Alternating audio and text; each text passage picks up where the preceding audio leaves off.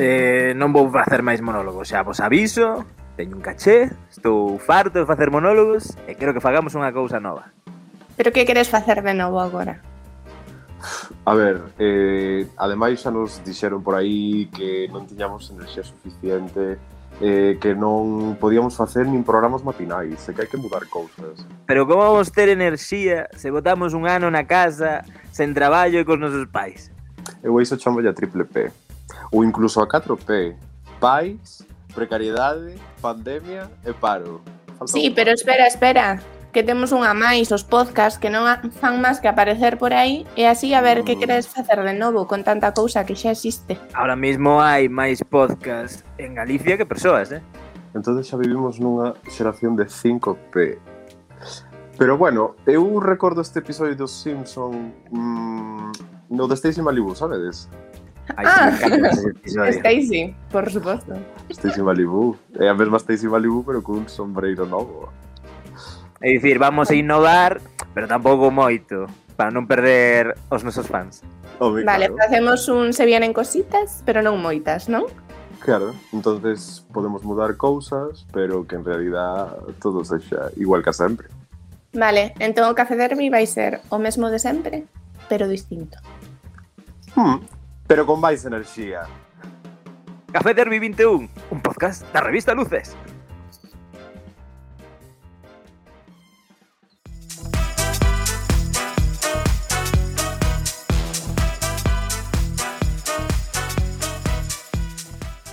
Café Derby 21, un podcast da revista Luces. Punto Gal, o dominio galego na rede, colabora con Café Derby 21 podes visitarnos en dominio.gal. Benvidos ao Café Derby 21, unha semana máis. Moitas grazas ao noso patrocinador que segue connosco, dominio.gal. E xa escoitastedes os cambios que estamos facendo no formato, así que hoxe contamos para acompañar e estrenar este novo tipo de podcast a Melania Cruz, actriz benvida. Moitas grazas. Eh, Televisión de Galicia, querida Televisión de Galicia, eh, por favor, non demos eh, espazo a situacións que poñen a muller eh, nun, nun lugar de incomodidade que son absolutamente innecesarias e sigamos loitando pola liberdade de expresión absolutamente todas as persoas que forman parte da Televisión de Galicia ou que formamos parte dela. E nada, Que viva o audiovisual galego, compañeiras. Acabamos de escoitar o discurso que deu Melania Cruz nos, nos Mestre Mateo tras gañar os, o Premio Mellor Atriz, polo que lle damos a nosa Noraboa. E referíase nese discurso a un incidente que ocorreu na, na televisión de Galicia, concretamente no programa Land Rover. Supoño que todos os cafeteiras e cafeteiros saberán a que nos referimos, pero recordo rapidamente, foi unha rapaza enganada ao programa para reencontrarse co seu exmozo, que quería volver con ela, todo vendeuse como unha historia de amor, e a rapaza pouco a pouco, bueno, moitas risas no programa de Mesco Caso, pero a rapaza pouco a pouco foise encontrando peor ata que rompeu a chorar e contou a historia que había detrás de maltrato psicolóxico e demais que era pola que era sometida polo seu exmozo. O, o caso fixose viral o día seguinte, empezou sendo viral na, no, no Gali Twitter e acabou chegando ás redes a nivel nacional, incluso a, mi, a ministra de Igualdade eh, manifestouse sobre este caso, e aí foi cando o programa pediu disculpas, pediu, pediu disculpas a Roberto Vilar, pediu disculpas a Tubega. Eu penso, pedirían disculpas se non chega a ser o caso tan viral, se chega a falar a nivel nacional e demais? Teño miñas dúbidas. E logo, o caso, pois quedou aí a cousa, pero para min é gravísimo, é totalmente denunciable, e quero poñer un exemplo dunha cousa moi parecida que pasou na Televisión Nacional, concretamente no Diario de Patricia de Antena 3, e fai isto 14 anos, É dicir, que pase isto en 2021, pareceme bastante grave cando o caso así máis recordado pasou xa fai 14 anos. Foi unha rapaza tamén, o mesmo caso, enganada polo seu exmozo, quería volver con ele, historia de amor, que lle mandou o programa, ela ali mostrábase moi nerviosa, non quería volver, risas do público, porque a xente o tomaba como unha cousa coña, e finalmente, cinco días despois, asesinouna no portal da súa casa. O programa pediu disculpas, todas esas historias, pero seguiu unha emisión.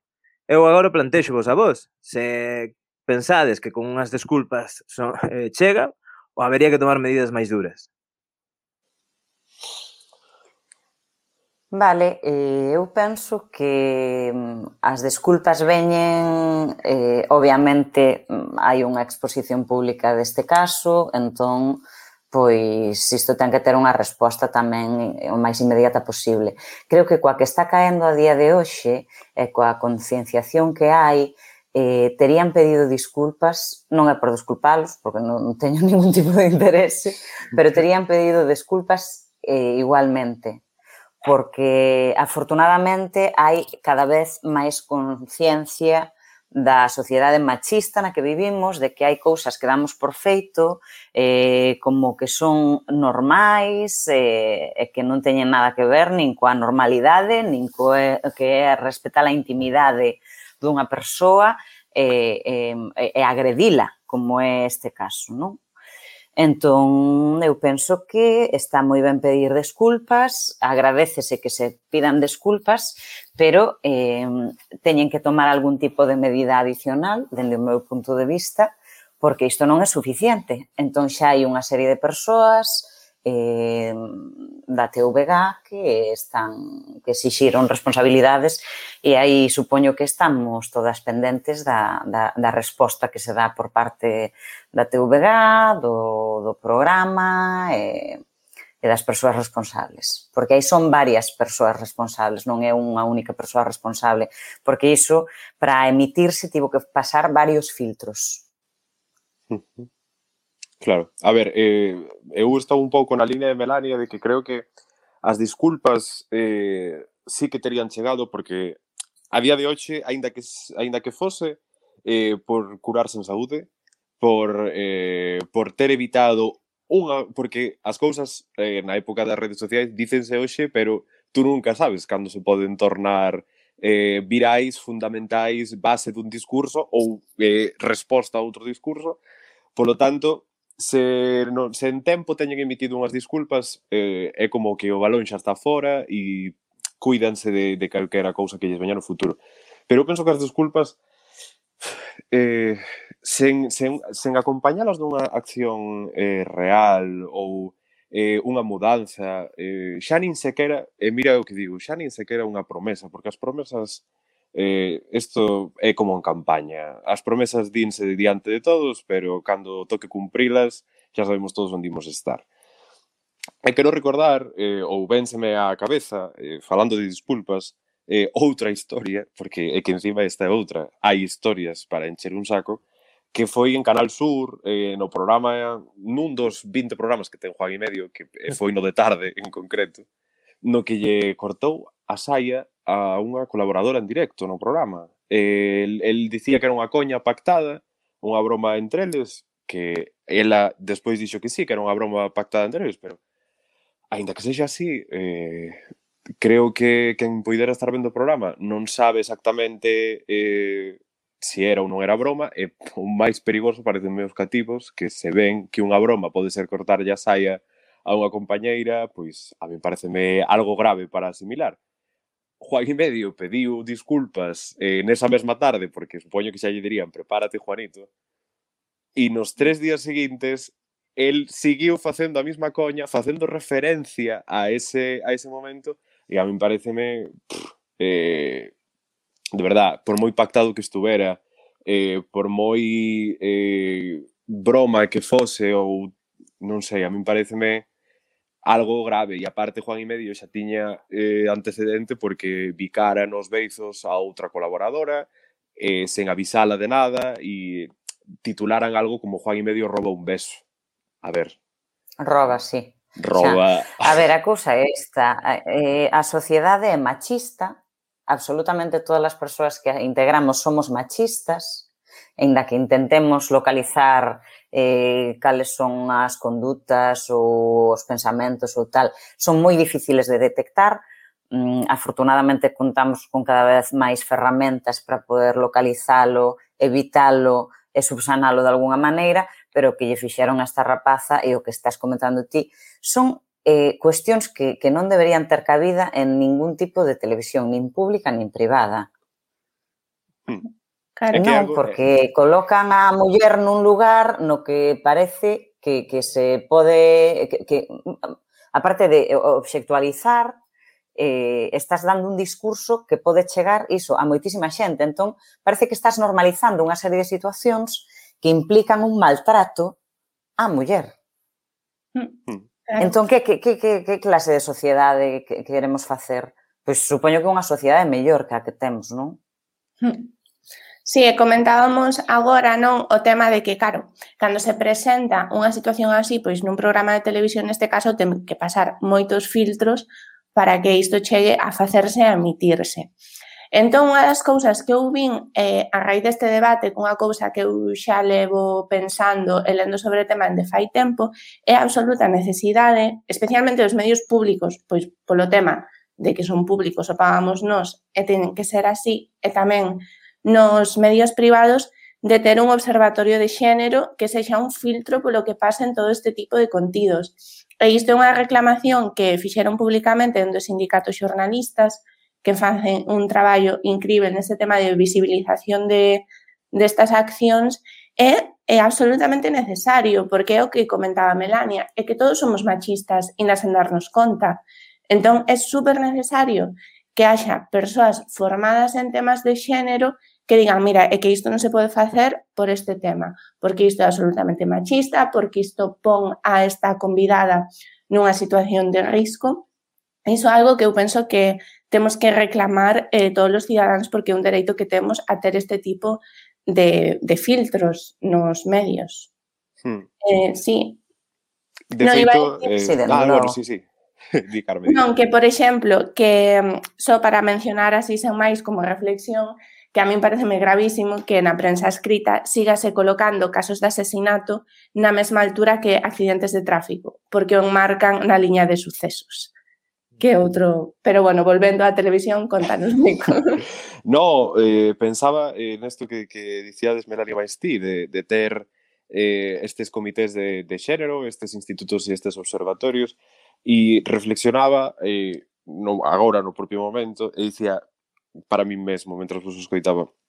Por que eh, hai tanto espacio ou estes espazos de, de difamación onde libremente tú podes ir, soltar esta mierda tóxica e despois de repente cada vez que aparece un espazo de educación onde aparece unha persoa ou un grupo de persoas para combatir isto que, que outros difaman, eh, ponse o foco sobre isto non debería ser porque isto é ideoloxía, porque isto é tal, porque isto é cual, E non sei, chama a atención porque eh, agora mesmo nas, nas televisións está vendo este tipo de programas, está eh, ocorrendo de, deste tipo de non sei se chamalos eh, espazos de discurso, porque que non o son, pero que un programa de televisión eh, se dedique a eh, contradicir, educando, eh, mostrando e eh, poñendo en situación eh, contra outras actitudes que están plenamente normalizadas e encima señal, eh, sinales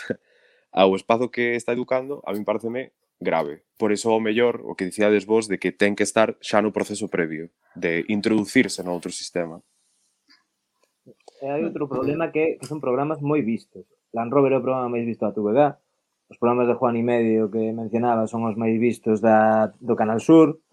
Eh, outro día tamén pasou noutro tema distinto, pero en el, en el hormiguero, pasou que eh, difamaron a vacuna de, de AstraZeneca en prime time nun programa de entretenimento que é moitísima xente. Eu penso que é moitísimo máis grave aínda nestes programas que ven moitísima xente, ven nenos ou ven adolescentes, andar a soltar mensaxes perigosísimos para a sociedade. Pero eu creo que aí eh, está a cousa tamén moi relacionada co que, que tipo de televisión queremos, non?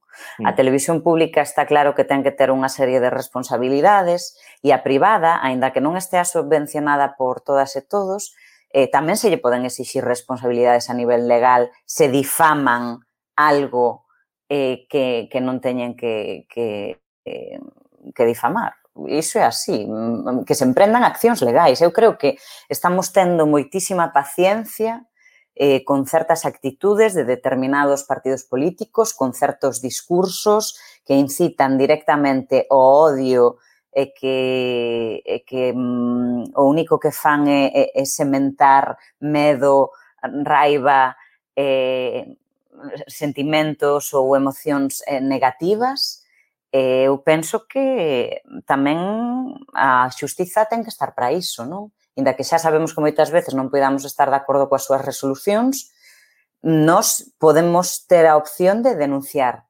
Entón, cando non esteamos de acordo con algo, eh, facelo.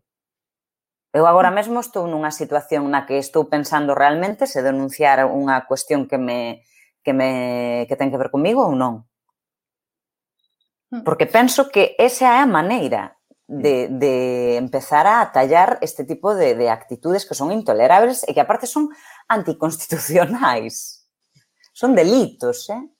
Claro, é que a tolerancia precisamente, se tú escolles tolerar eses eh, delitos o que estás é eh, co, eh, digamos que permites que se salten a lei. Dicir, ti cando non decides tomar parte ou to...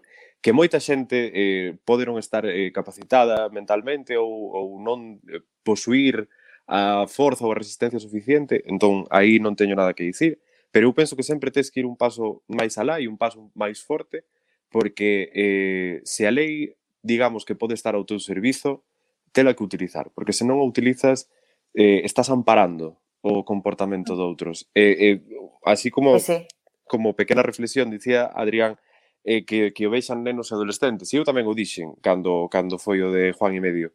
E agora doume conta, tan perigoso é que o vexan persoas que o están sufrindo e que desde a televisión digan ai, pero que é ata, é ata normal. E penso porque eh, fora de micro, eh, Carmen Maiseu, eh, estamos seguindo a, o documental de Rocito, que bueno, entendemos perfectamente cal é o encadre eh, que pode ter sensacionalista ou non, pero non se pode obviar eh, o resultado que está tendo, eh, a, digamos, a nivel maltrato, o número de aumento de denuncias.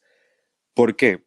E isto podelle fastidiar a determinadas persoas, pero as pers moitas das mulleres que sufren iso non ven os documentais de la 2 eh, sobre grandes historias, ven cousas eh, onde se sinten cómodas, ese, ese espazo que, el, que ven ou que consumen lles di eh, está tendo un problema e ao mellor non sodes conscientes, é máis fácil que se den conta, porque os documentales de la 2, como persoa que os consume, non son para todo o mundo. Hmm. E despois... Eh, non, está moi ben que a, a. Perdoa. Non, non, Perdoa, sigue, Carmen. sigue. nada, nada. Non, comenta ti, Melania. Non, non.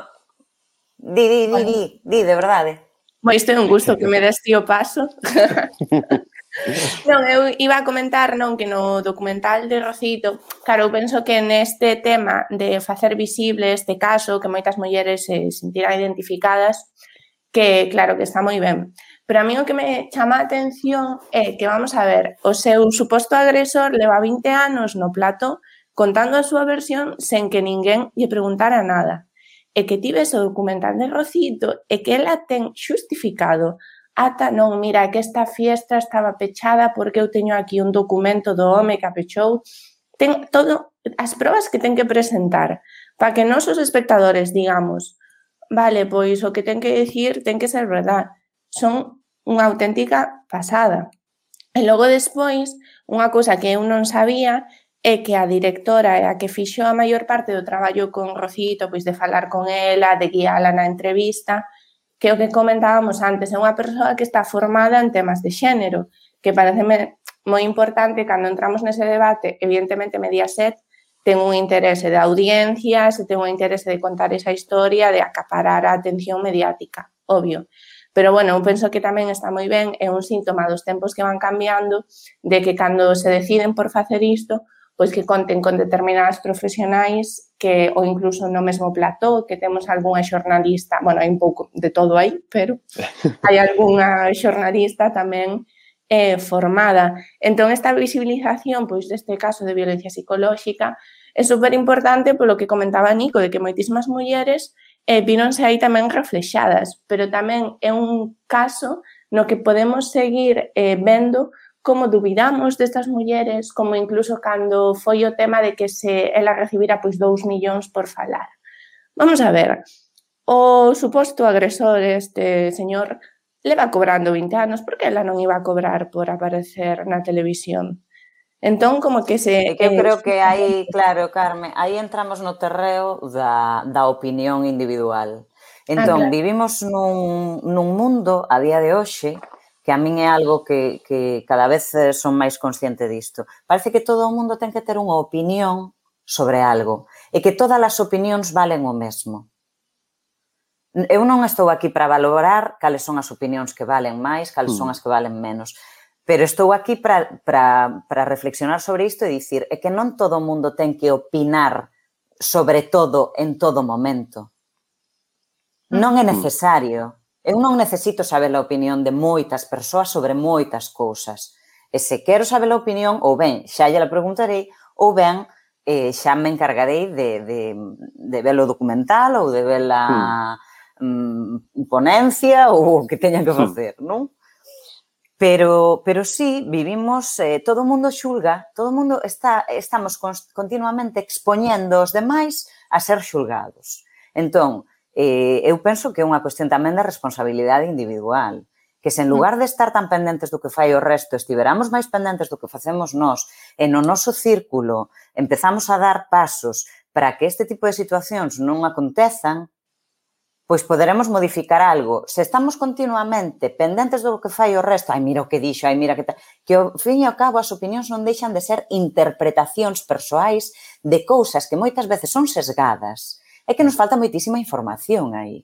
Hmm. Entón, hmm. a min, utilizar as redes como se están utilizando continuamente para verquer opinións persoais sobre cousas, pareceme eh, perigoso, pareceme cobarde e pareceme que se nos eh, realmente necesitamos eh, un, temos unha preocupación moi grande porque se traten determinados temas relacionados co machismo ou co feminismo ou tal, creemos foros presenciais onde ás persoas se lles dea a oportunidade de falar cara a cara, de expoñer as súas argumentacións e de escoitar e, e, e poder dar distintos puntos de vista.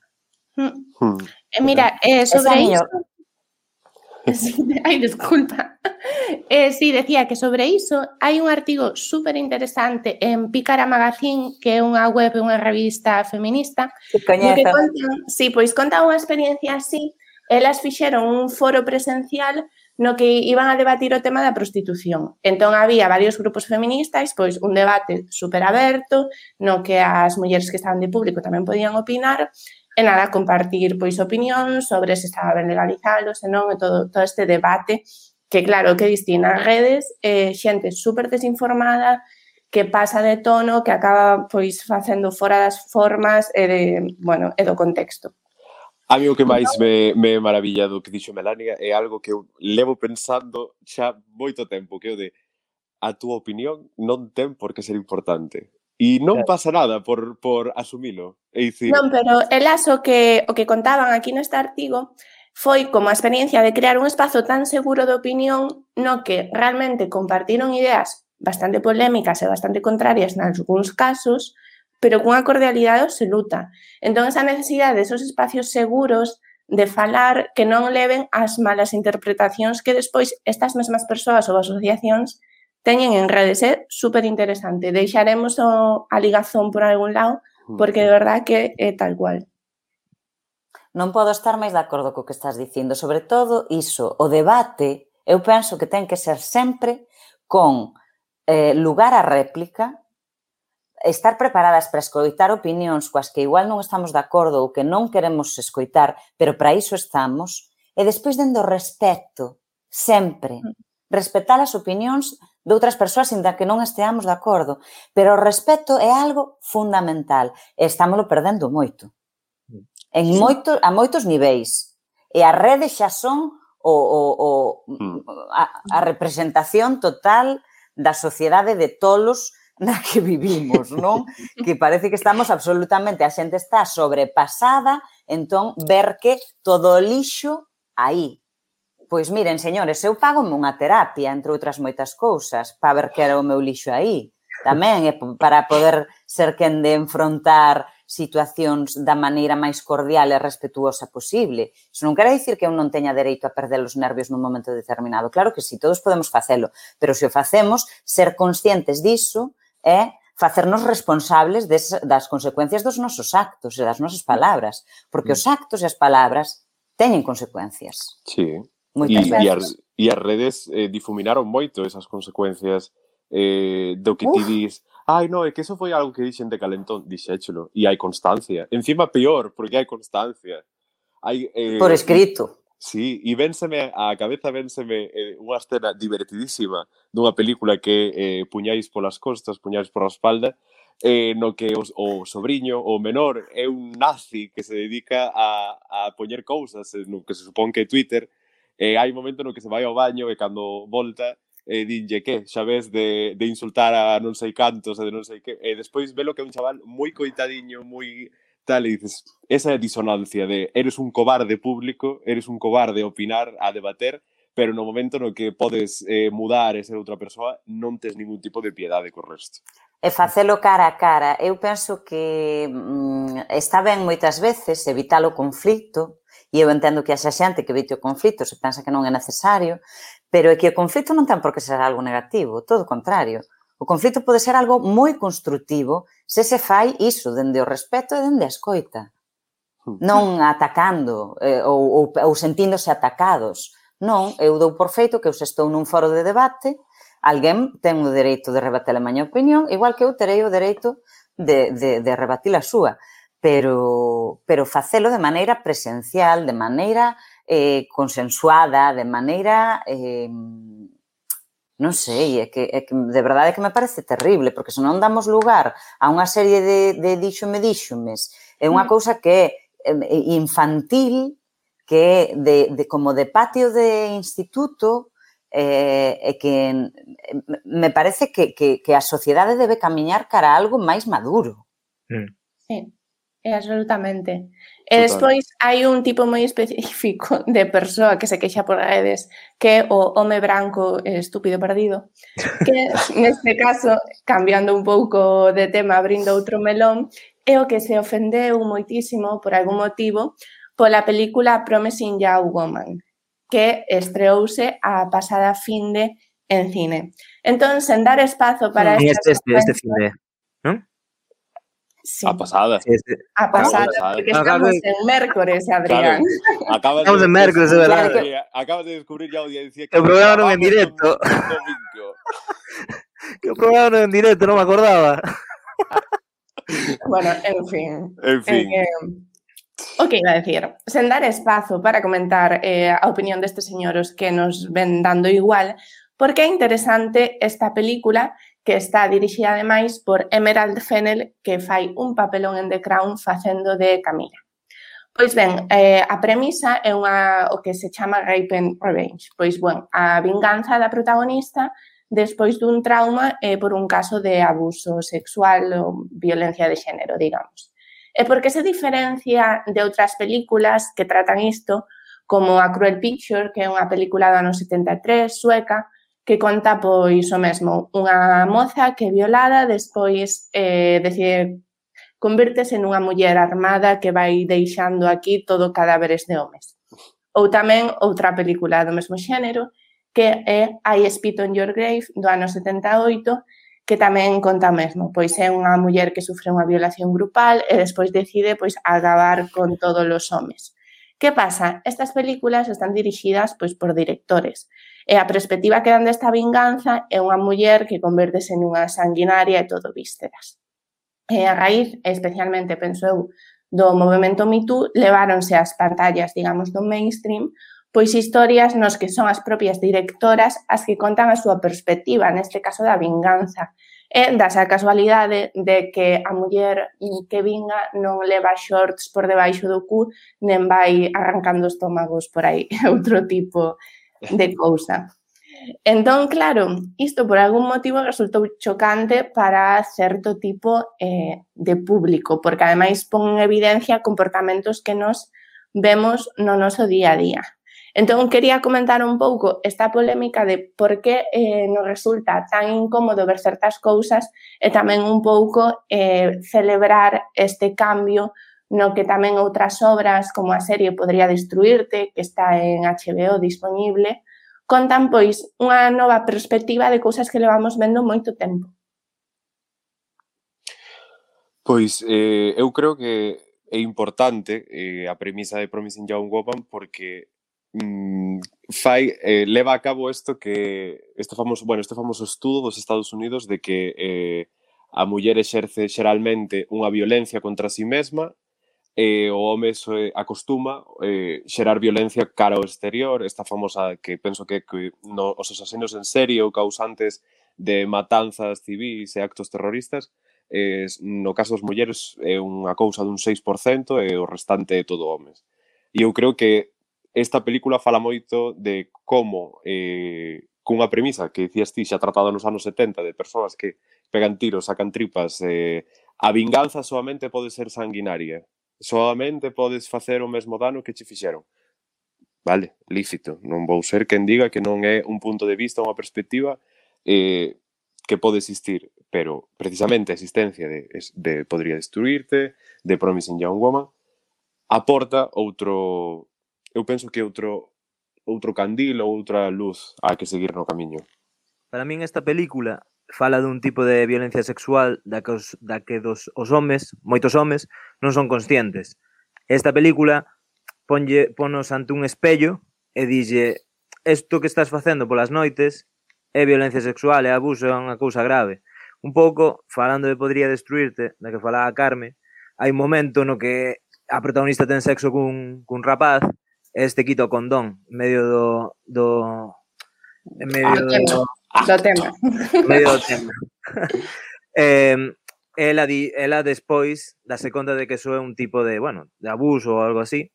Eh, uh -huh. El non é consciente.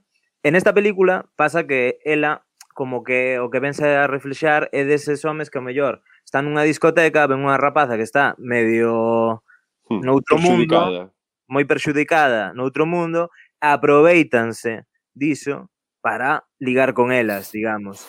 E moitos homes eu penso que eso non o considera nada grave ou consideran a cousa dunha anécdota dunha noite de festa.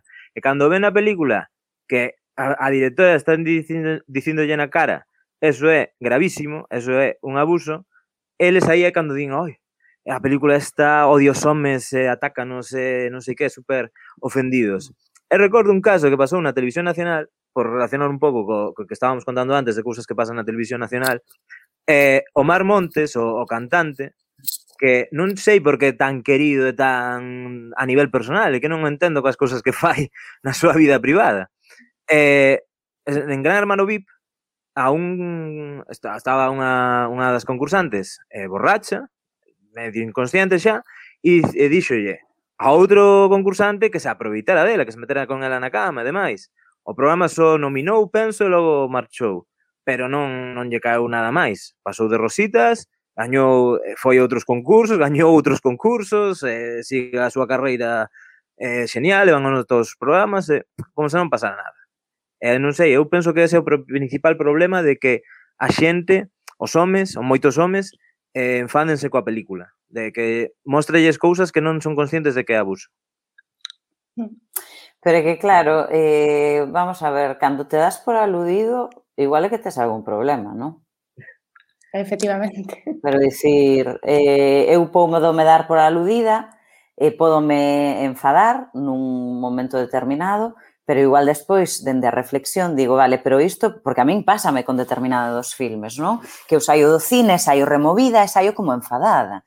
E despois necesito un tempo de procesar e digo, a ver, por que me enfadou? Pois igual é que me enfadou porque me fixo reflexionar e me fixo ver cousas que igual eu tamén estou facendo, ou xente que eu coñezo está facendo, e me puxeron nun aprieto. A min mm. gustanme que, que, me, que, me, que me provoquen unha reflexión. En moitas, moitos filmes eh, non conseguín valoralos realmente ata que lles dei un tempo de reflexión, porque nun inicio había como unha especie de autodefensa de non, é que aí non podes entrar. Entón, que pasa se te das por aludido? Bueno, pois que igual tes que reflexionar alrededor diso e non vomitar unha crítica ou vomitar eh, un tuit ou tal inmediatamente despois de que pase algo, non? É que igual te podes dar un tempo a reflexión, eh? que non pasa nada. O que pasa é que como vivimos nesta roda de hámster constante e parece que se non o fas agora mesmo, despois xa se che pasa a historia porque xa pasou, Pois estamos así continuamente. E isto é como, para ver, por favor, eh, os tempos temos que poñelos nós. Sí. Creo eu, non sei. Sí. E despois a min eh, pásame cando vexo, pois, especialmente nos últimos anos, un por que personalmente intereseime máis por ver outro tipo de cine, pois igual máis independente, máis directoras, ou como es, neste caso desta película, que é unha película de que aparece en todos os cinemas, está en todos os circuitos, pois como unha película como Godzilla, esta cousa que está tamén no cinema, pois o mesmo tal. Entón, pásame que eu digo, vale, aquí estamos vendo unha perspectiva nova, na que a ti a túa cabeza faiche reflexionar sobre outras cousas, pero que levamos moitísimos anos normalizando que no cinema, por exemplo, seguindo co, coa mesma liña ou co mesmo exemplo, eh, aparezcan pois o testimonio unha personaxe femenina que di ai, acabo de chegar a casa, son as oito da mañán, non me lembro de nada e veño dun piso no que estiven cun descoñecido. Vale, agora, pois, hai directoras que están intentando darlle a volta á historia en contar, pois, Que puido pasar nese caso? Entón, tiñamos tan normalizado pois ese camiño da vergoña que agora especialmente aos homes se lle poñen eh, a outra perspectiva que é desgraciadamente moi común a de abusar de mulleres cando están bébedas ou cando están o que sexa por aí pola noite, pois impacta. E ese impacto eu penso que é super bon polo tema da reflexión e tamén polo tema, pois, isto de, de apertura de, de miradas, non? Sí, eh, iso que dicías ti, Carme, de, de o camiño da vergoña, de moitas veces eh, o que se agochaba en ter, eh, bueno, esta, este personaxe feminino de teño moitísimo sexo, eh, teño moitísimo sexo nocturno, eh, teño moitísimo sexo en eh, según que condicións e tal, parece que o vendían como unha conquista social de empoderamento feminino, que o é, O sea, non lle quito o peso que ten a ti empoderarte do teu acto sexual e do teu corpo e utilizalo para o teu propio beneficio ou prazer, pero sí que é certo que eh, agochase algo eh, nese, mm, digamos, nese cabalo de Troia, agochase algo que pode ser moitas das relacións sexuais ou o estado no que ti as mantiveche, eh, o que, o que plantexaba eh, Melania. Se ti as pos en perspectiva, podes atopar algún caso eh, de sobrepasamento, de abuso ou incluso de acoso. Ou... Entón, é o que dicías, este cambio de perspectiva parece que aporta tamén eh, máis fondo para as que xa levamos visto. Hai, fai, bueno, um, fai poucos anos, dous personaxes super admirados de dous seri, dúas series moi mainstream que son eh, Como conocía a vuestra madre, Padre de Familia, a falo de Barney Stinson e Quagmire, eh, aproveitábanse de mulleres borrachas, en, no caso de Coagmire xa cousas en plan mulleres drogadas e demais, mm. coas que se acostaban para facer humor, quero dicir, era para facer comedia, e que gracioso, que humor negro, que humor negro ten padre de familia, no que Coagmire droga unha muller e, e, acost, e aproveitase dela. Ou, non sei se recordades, o humorista, eh, como se chama, Jorge... Ai, era un que facía vines e eh, tiktokers. Eh, ah, Cremades. Jorge, Cremades, que sí. facía humor de eh, poñerlle cloroformo a unha muller e metela nun portal, e, eh, e o tipo de logo inda estranábase de que eh, cancelaran shows del en certas cidades no que dependía do Concello ou do ou mm. da, destas historias cousas públicas que despois de ver iso, haber polémica con iso, o cancelaran, e o tipo estranábase. Digo, eu, bueno, vamos a ver, eso non é humor, eh? Eso, nin humor negro, ni, é unha barbaridade. ¿eh? É unha barbaridade. Hmm. Sí, eu creo que con respecto... É un tema moi interesante o tema dos límites do humor, non? Eu acórdome que durante a pandemia eh, Cristina Rota, a escola, a sala Mirador, que ten unha sala de exhibición, eh, pois facía como unha especie de charlas ou masterclass con diferentes persoas, non? Entón, un dos convidados, ti podías pagar, era algo máis simbólico que outra cousa, pero con iso estabas axudando a que determinados estudantes se pagaran a matrícula de interpretación na Escola de Cristina Rota, non? Eran, non sei se eran 5 euros ou, ou unha cousa así, non? Entón, eh, estaba Leo Basi, o grande Leo Basi, e facíanlle a pregunta de que que lle parecía a él, eh, que consideraba él como límites do humor, non?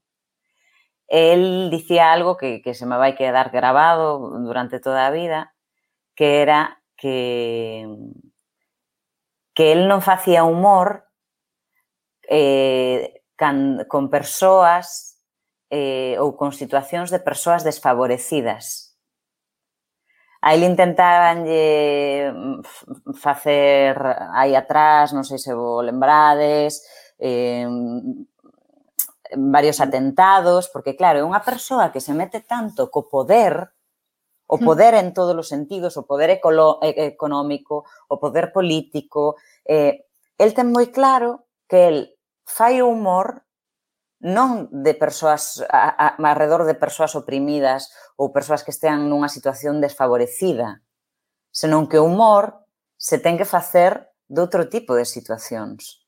Entón, el dicía que iso non o consideraba humor, que o consideraba outra cousa. E pareceume super interesante, porque aclaraba moito algo sobre o que se leva falando durante pois, os últimos anos, moito, pois precisamente a conto disto, non? De xente que fai humor co, co, con cousas que diste, pois eh, nin puta gracia que me fai que quer que che diga isto, non? Mm. mm. Porque ademais parece como que estás fomentando eh, certas actitudes a través diso. Eh, como moi heavy. Sí, eu co de, mira que eu, eu fun espectadora durante moitísimo tempo de, de Padre de Familia, non? Desta serie pero sí que é certo que cando vin iso, e ese personaxe de Quagmire era como, pero de que estamos falando aquí? Por favor, mm. estamos falando de algo moi grave. De algo moi, moi grave. E estámoslo sí. facendo pasar como por humor. Eh, un pouco como mm, ollo, non? Con estas cousas. Non vai ser. Como da liberdade Porque se o queres, se o queres facer como, claro, pero se o queres facer como denuncia, vale? Queres denuncialo? Empregas iso para denuncialo? Vale, pero ollo os contextos. Hmm. Ollo os contextos nos que ti expós esas cousas. Porque non, non está o, o forno para bolos, non? e non, no, e non... Se pode, pode ser ao revés, quer dicir, ti intentas facer unha denuncia, pero o público que ti tes eh, non posúe eh, a, o armamento necesario para comprender a túa crítica e de repente ensálfalo. É, é, é todo o contrario, claro. porque isto ten acontecido eh, en moitísimos casos, e digo eu, pero como é posible que unha caricatura que pretende eh, sinalar eh, comportamentos nocivos, eh, fóbicos de moito tipo, e de repente, icono? No comprendo. o sea, a, a, eh, a mí o do humor é isto, eh, recordo un, po, un pouco que dicía Melania da liberdade de expresión, na, de certos partidos políticos ou de xente nas redes que solta barbaridades. Para min, unha, cando a liberdade de expresión túa atenta contra a liberdade de outras persoas en materias pois de racismo, homofobia, machismo, bueno, tantas cousas que podemos aquí enumerar, para min a liberdade aí ten un límite, non sei. En esto, igual, os límites do humor, eh, aparte que Quagmire en ningún momento ningún espectador del padre de familia dixo ai, que mal está o que fai Quagmire, senón que falle moitísima gracia e normalizo. Sí. É hmm. dicir, ao final de que serve o personaxe de Quagmire? Ten algunha crítica social? Ten algo? Non, non ten ninguna crítica social nin nada. Como mellor, por exemplo, nos Simpsons sí que podes ver o, o alcalde Quimby que é un personaxe deplorable que denuncia certas actitudes dos políticos que mulle, eh, anda con moitas mulleres, que non sei que, Eh, eso sí, ten certa denuncia social, pero o personaxe de Quagmire non é un personaxe totalmente vacío. Eh, pois, mira, no caso de Quimby, sí, eh, parece que, bueno, parece que hai certa reflexión. Eh, eu recordo un episodio, eu vexo esporádicamente Padre de Familia, eh, moi esporádicamente, e eh, recordo que Quagmire nun episodio a única compasión que mostrou foi cando eh, a muller coa que se ia acostar era a súa filla. É dicir, en ese capítulo eh, parece como que contivos un pouco. Pero sobre os límites do humor, eh, falámolo con Miguel Canalejo aquí no programa, e eu creo que ese día quedou totalmente sentenciado. O humor, o humor non ten límites. O que, o que se limita non é humor, é burla e é algo moi zafio e é algo que desprestixa e ataca a outras moitas persoas. Pero o que é humor non se pode limitar, porque todo o mundo está de acordo en que é humor. Ademais, que escapa. Eh, Efectivamente. Sí, sinalou unha cousa moi interesante que o tema do humor é a quen estás ridiculizando, se ao agresor ou a víctima, porque se, se ridiculizas a víctima, eso é pura agresión. Se ridiculizas ao agresor é denuncia humorística. Entón, claro. son cousas absolutamente logo. distintas. Que, que esta peli da que falamos... É que, é que parece moita... que temos que estar outra vez explicando, sí. non? Dende o comezo, explicando eh, non é unha cuestión Claro, é que é unha cuestión básica de educación. Hmm. De, de como estamos hmm. xestionando isto, non? Pois se hai alguén que cree que iso é totalmente lícito e tal, será porque hai un, un erro tamén non no, no, no propio sistema. E eu estou convencida de que moitas da, das cuestións que estamos vivindo agora eh, son proveñen do tipo de educación que, que levamos, non? E de mm. como están construídas as estruturas heteropatriarcais que favorecen que este tipo de situacións se dean. Hmm. Iba a dicir eu que esta peli, a de eh, Promising Young Woman, é un ten bastante comedia negra, digamos, un pouquiño de comedia negra, eh, fai esa comedia de, de abaixo arriba, pero parece que molesta os de arriba esta vez. Bueno, eh, para continuar co programa, eh, imos baixar ao terreno mundano Melaria Cruz, pero mestra Matria mellor actriz, por exemplo, película, que ONS.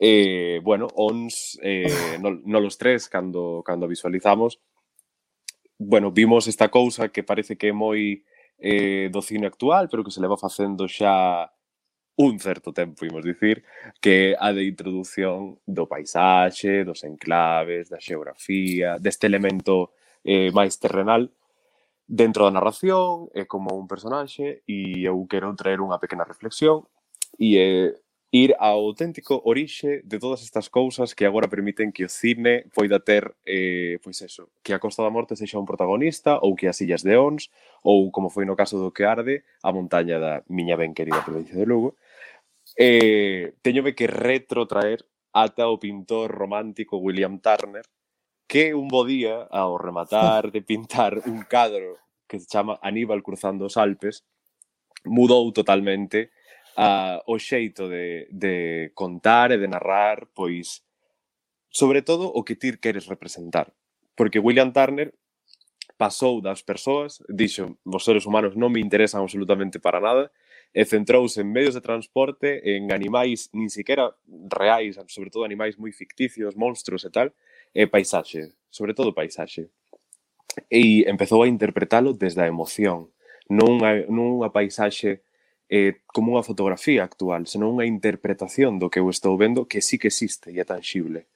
Entón, a raíz de expoñer iso en primeiro plano, de repente unha tormenta, eh, de feito Aníbal cruzando os Alpes, este cadro que inaugura isto, é unha tormenta, precioso, animo a todo mundo a velo, pois empezou a difuminar, a traer estas cousas máis eh, aéreas e vaporosas e a introducir emoción na paisaxe, a introducir emocións no que ti ves. Entón ti comprendes que non é necesario unha persoa, de que hai elementos que nos rodean, que teñen a súa propia voz, e aínda que hai outros pintores eh, como Sorolla ou como Vermeer que tamén o fan, eu creo que no caso de Turner eh, é moito máis importante porque é moi antigo, estamos falando de 1812, máis de 200 anos, e é algo que con tanta antiguidade permite que Tarkovsky fixera o seu cine de que despois outros tantos, agora o nomo cinema, e que no caso de Ons se permitan facer este tipo de, de declaracións de que un espazo condiciona, de que un espazo eh, ten personalidade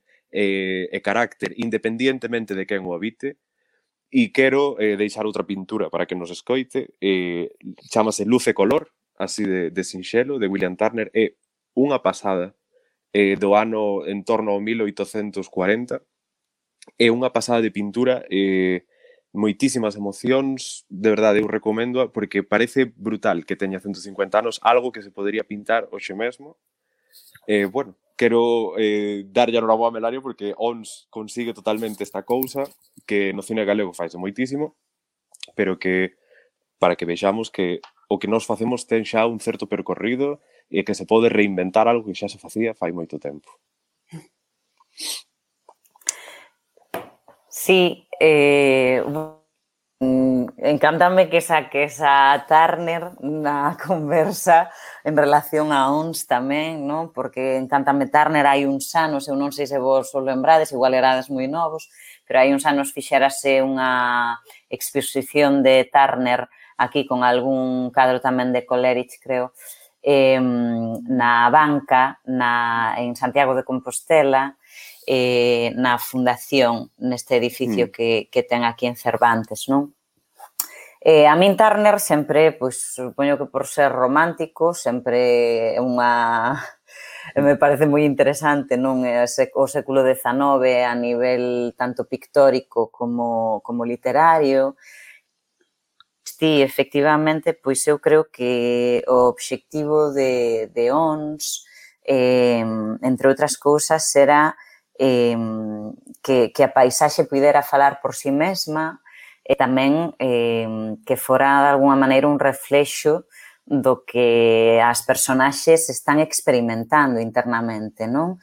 De como a falta de comunicación incide en que se creen eh, ou se sobredimensionen determinados sentimentos ou determinadas sensacións, eh, a maneira na que está retratada a paisaxe pois é unha metáfora moitas veces do que internamente cada, un desa, cada unha desas personaxes que, que aparecen na película pois están sentindo, non?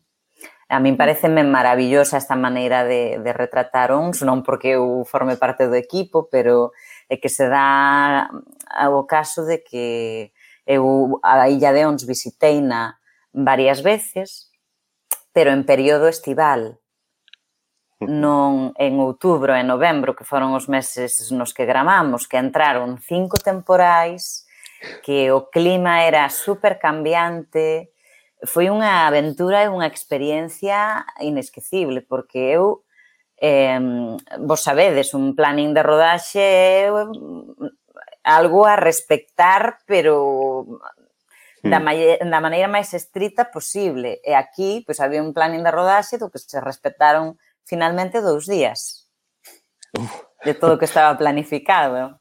Entón, claro, eh, nós estábamos eh, a expensas do, da climatoloxía todo o tempo, e iso tamén era era maravilloso, porque era unha maneira moi diferente de rodar, e aí foi un risco enorme que asumiu toda a equipa, dende o principio sabía todo o mundo que formaba parte do filme de que ia ser así a cousa, Entón ti todos os días ás seis da mañá non sabías o que ia rodar.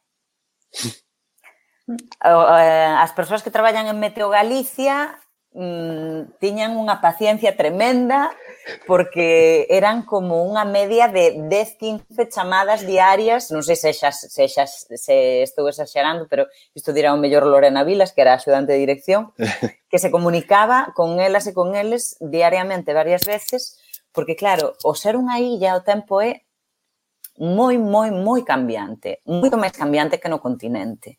É moito máis impredecible. Mm. Entón, tamén isto penso que favoreceu moito eh, a interpretación e a recrear as situacións que estaban vivindo as personaxes. Porque todo o que estaba ensaiado, eh, que fixemos os primeiros ensaios aquí en, en Santiago de Compostela, eh, na SGAE ou na Casa de Alfonso, ou daquela, claro, non había pandemia. pois iso, eh, o chegar á illa, foi como un suflé, non? Fixo todo, vum! E dixemos, wow, eh, que, que tremendo poder, que forza telúrica tan heavy mm. ten esta illa porque foi chegar ali e todo o que estaba sobredimensionouse. Que bonito. Cl claro, ti estás nunha illa, sí, a verdade é que sí, que foi unha experiencia, foi durísima, non, non volvo a negar, porque estar todo, todo un equipo eh, está rodando coas vías montadas na praia no medio dun temporal, iso é tremendo. Sí, sí con choiva, con, cun vento terrible, a cámara que non sabíamos se se podía rodar ou non porque lle entrara auga, equipamentos que son carísimos, que hai que ter moito cuidado con eles. Entón, eu penso que foi unha experiencia moi dura para, para todas as persoas que conformamos o equipo, pero ao mesmo tempo tamén unha experiencia inolvidable e moi especial, porque hmm. nos deu momentos eh, boísimos, non? E aprendes moito aí. Aprendes moito porque tamén estás moito contigo mesma. Non tes onde sair, non tes onde ir, non tes máis que o sitio onde a familia cuña nos daba de comer. Non hai médico, se pasa algo. Ás veces non podes sair da illa polo temporal, nin podes Pero eso era, era supervivientes ou era uns? Era ons, era ons, pero tiña, ás veces parecía que tiña algo de supervivencia. Andábamos aí como, como case traficando co, coas, coas aspirinas e co, con... cos eh, fluimuciles e con todo, porque, claro, era moi fácil poñerse enferma. Sí, e iso queda moi ben reflexado na película tamén, a dificultade de vivir nun ambiente así. E despois tamén unha referencia que a min gustoume moitísimo, que se fai dende o principio, é ao tratado de topografía sentimental, que, bueno, a min fascinoume tamén, que é que reflexa moitísimo o que se ve na propia película. De feito, hai un momento cando xa a trama, bueno, xa pasaron varias cousas, no que o personaxe de Morris di é que aquí encontrei a miña propia topografía sentimental que, bueno, para quen non o saiba, é un tratado dun arquitecto que foi eh, Piquionis, que a personaxe de Melania o está traducindo na obra, que é de 1935 e conta unha remodelación que se fixo que se quiso fa, eh, facer, e se fixo, en torno á Acrópole de Atenas. Entón, este arquitecto, moi influenciado tamén por pintores como Paul Klee ou Kandinsky, quería que todo o entorno da Acrópole mirara cara a ela e os propios camiños reflexaran a historia. Iso, de feito, conseguí uno porque eu cando visitei fixeime no que nos camiños, por exemplo, encontrabas mármore que decías, pero como chegou este mármore aquí? É de verdade da época dos gregos? E non, este señor o puxo aí con un pouco de facer deses camiños testemunha da historia. Entón, en ons como esa paisaxe, integrase moi ben co propio camiño que facedes as personaxes. Incluso cando atúa a eses planos preciosos, cando apareces correndo polos camiños, no que ves que hai un drama que está pasando, que a túa cara cada vez é máis de ui, ui, ui, que está, que está sucedendo aquí. Entón, está super ben integrado e, bueno, a min é que facerme unha referencia a un tratado de arquitectura con non sei que, xa digo, ui, precioso. Precioso.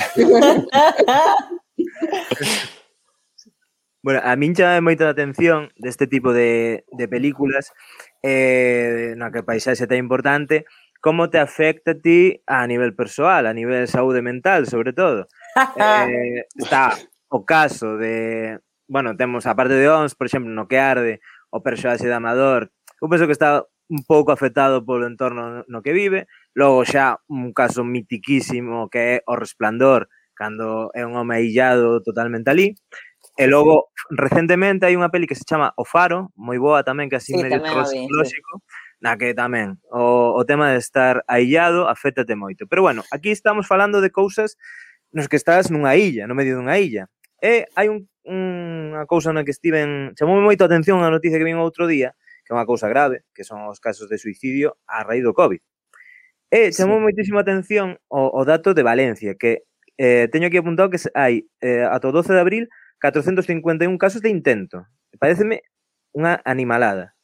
E eh, uh. penso que ahora, eh, nesta situación de que estamos no co COVID, eses entornos de illamento que antes tiñamos, pois iso, nunha illa ou no medio do monte ou cousas así, están chegando xa ás cidades. Porque uh. ti eh, vives só, eh, coa todas as restriccións e demais, sobre todo cando foi o confinamento, estás mm, catro paredes, eh, só, eh, aillado, con teus pensamentos, aínda que teñas redes e demais. Eh, podes conectar con outras persoas. Estás un pouco como tal. E parece moi interesante eh, sobre este tema a medidas que están tomando en outros países, como en Xapón, que xa hai un ministro que se dedica que se dedica a controlar o tema da soidade, porque Xapón leva anos baixando a curva sí. de suicidios Pero agora co Covid subiu moitísimo. E subiu moitísimo tamén mulleres, que antes era máis un tema que afectaba máis a homes xaponeses.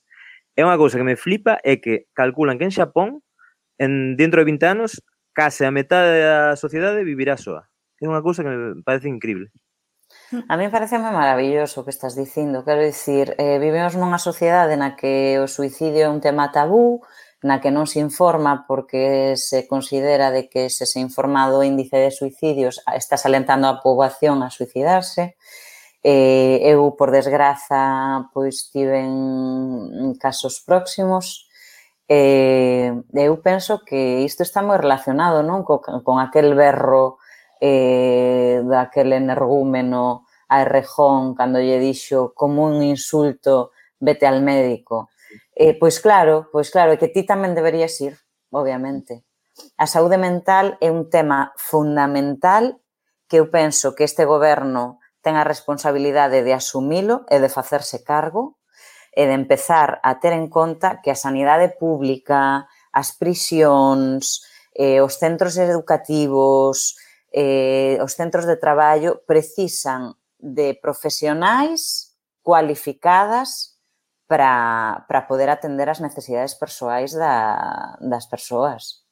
Hmm. Porque eh, dende pequenas como que somos educadas eh, no tabú da depresión, non se pode falar da depresión, oh, eh, non se pode falar da ansiedade, non se pode falar, e parece que se o tapas non existe, e non é certo, é todo o contrario, canto máis o tapas, peor o faz, porque menos ferramentas terás para atopar saídas ou para atopar eh, xente que che poida aconsellar e dicirche, pois mira, vas aquí, e despois fais, faz isto ou tal. E eu creo que hai que, eh, hai que normalizar poder falar destas cousas abertamente, non? E non é, é terrible que unha persoa... Non. Porque é, é antes dicían, dicíanlle, padece dos nervios. Ah, Así, bueno, eu, eu, nós temos un, como compañía, Tito Asorei e máis eu, creamos hai uns anos unha compañía que se chama Quinta do Cuadrante, na que o noso primeiro espectáculo é O empapelado amarelo, que é unha dramaturxa que fixemos a partir do relato da escritora norteamericana Charlotte Perkins Gilman, que fala do que, do que eh, pasou ela, do inferno que pasou ela, eh, de encerro e de recomendacións médicas para tratarse dos nervios, precisamente. Ela foi unha pioneira do feminismo, ela decidiu divorciarse, que naquel momento era un escándalo, e despois de divorciarse escribiu en dous días ese relato que se non o coñecedes vos lo recomendo encarecidamente eh, no que ela describe eh, a situación terrible na que viviu, non? eh, por, por mm. recomendacións da súa propia parella e, do, e dun médico non? que a estaba tratando. Eh, bueno, se vos parece, agora que chegamos ata o que lle chaman o very end do programa, Eh, bueno, falamos de temas moi serios, eh, tivemos épocas tamén para pa rirnos, tivemos o noso espazo, pero como non me gustaría rematar con algo tan escuro, pero necesario de falar, como pode ser a soidade, o suicidio, eh, podemos retrotraernos un pouquiño a taóns e esos espazos ou esas cousas que nos fan un pouco máis felices e ser pois abertos e dicir esta semana fun moi feliz con esta cousa. E quero empezar eu eh, iba, ia dicilo, ia dicilo, pero non non, e non o vou utilizar. É un poemario de, de Lana del Rey que chamase Violet hace el puente sobre la hierba. É precioso, de verdade, é un poemario precioso, pero non o vou utilizar. Vou utilizar a película Mediterráneo, que pode ser a contraparte de Ons, porque tamén é nunha illa eh, en Italia. Está disponible en filming, é dos anos 90, fala desto que vos contei de Turner, da paisaxe, de todas estas cousas, pero é unha película tan bonita, eh, de verdade, preciosa desde a amabilidade, eh, da risa, de pasalo ben, de como se pode introducir eh, ese amor entre homes eh, nun mundo militar, eh, de como un pobo illado nunha illa de Italia pode ter todo o do mundo e non necesitar nada do exterior. É unha película que recomendo moitísimo, eh, que, non sei, case me gustaría vivir nela. Entón, eu deixo aí a miña recomendación. Pois apuntamos, eh, apuntamos. bueno, eu quería dicir que ONS está en filming para que queda ver, eh, Promising Young Woman nos cines, así que dos temas que falamos. E eu quero recomendar unha serie, ainda non acabou, está en plena emisión, pero xa puxen o día, que é Invencible, é de, de Amazon Prime Video. E, bueno, tema é os superhéroes, que está como eh, de modis, pero cada vez máis de moda aínda, porque quero dicir, leva sendo moda non sei cantos anos, pero este ano as series principais son WandaVision, esta, a de Capitán América, pero bueno, esta gustoume moitísimo porque pareceme que rompe así un pouco mm, certos, bueno, non sei se tópicos, pero é eh, un dun rapaz que resulta que descubre que ten poderes e descubre que ten poderes, pero quero dicir, el xa sabe que o pai é o ti como se é o fillo de Superman. É o fillo de Superman, Eh, e dis, bueno, eh, na pubertad, en vez, de saírme, en vez de saírme granos, saenme poderes. Eh, o pai, que maravilla! O pai, bueno, entrena tal, eh, está chea de referencias aos cómics, que dicir, todos os superhéroes que ves, di, ah, este é Batman, este non sei que, eh, ten unha mezcla de mm, drama familiar, eh, comedia adolescente, porque é rapaz vai instituto, e logo pasa unha cousa que cando ves o primeiro capítulo xa tes que ver os seguintes porque é super sorprendente, super impresionante, así que recomendo ver o primeiro capítulo e xa quedas enganchado ata o final. Ok, pois tamén apuntamos. Sí, sí, eu vou coller a túa bola porque eu tamén vou falar dunha serie de animación, neste caso que está en Disney Plus, que é Solar Opposites, que é dos creadores ademais de Ricky Morty, que, bueno, a min flipa ah. tamén. Eh, a premisa é unha, un grupo digamos, é unha familia, pero non teñen lazos familiares, é unha cousa un pouco rara. Cinco alienígenas que chegan á Terra porque son expulsados por unha catástrofe no seu planeta. Entón intentan integrarse na sociedade a vez que intentan eh, arranxar a nave para voltar á súa casa. Entón é super gracioso porque o que fan é analizar basicamente a raza humana dende a perspectiva da que dos que veñen de fora. Entón, o que falábamos antes de a quen ridiculizamos, pois eles ridiculizan a todo o mundo. Entón, fan risa dos dramas humanos e fan bromas como pero vamos a ver, por que elexides unha roupa distinta cada mañana cando podes por unha túnica negra e que ese sexa o teu outfit xa para toda a vida?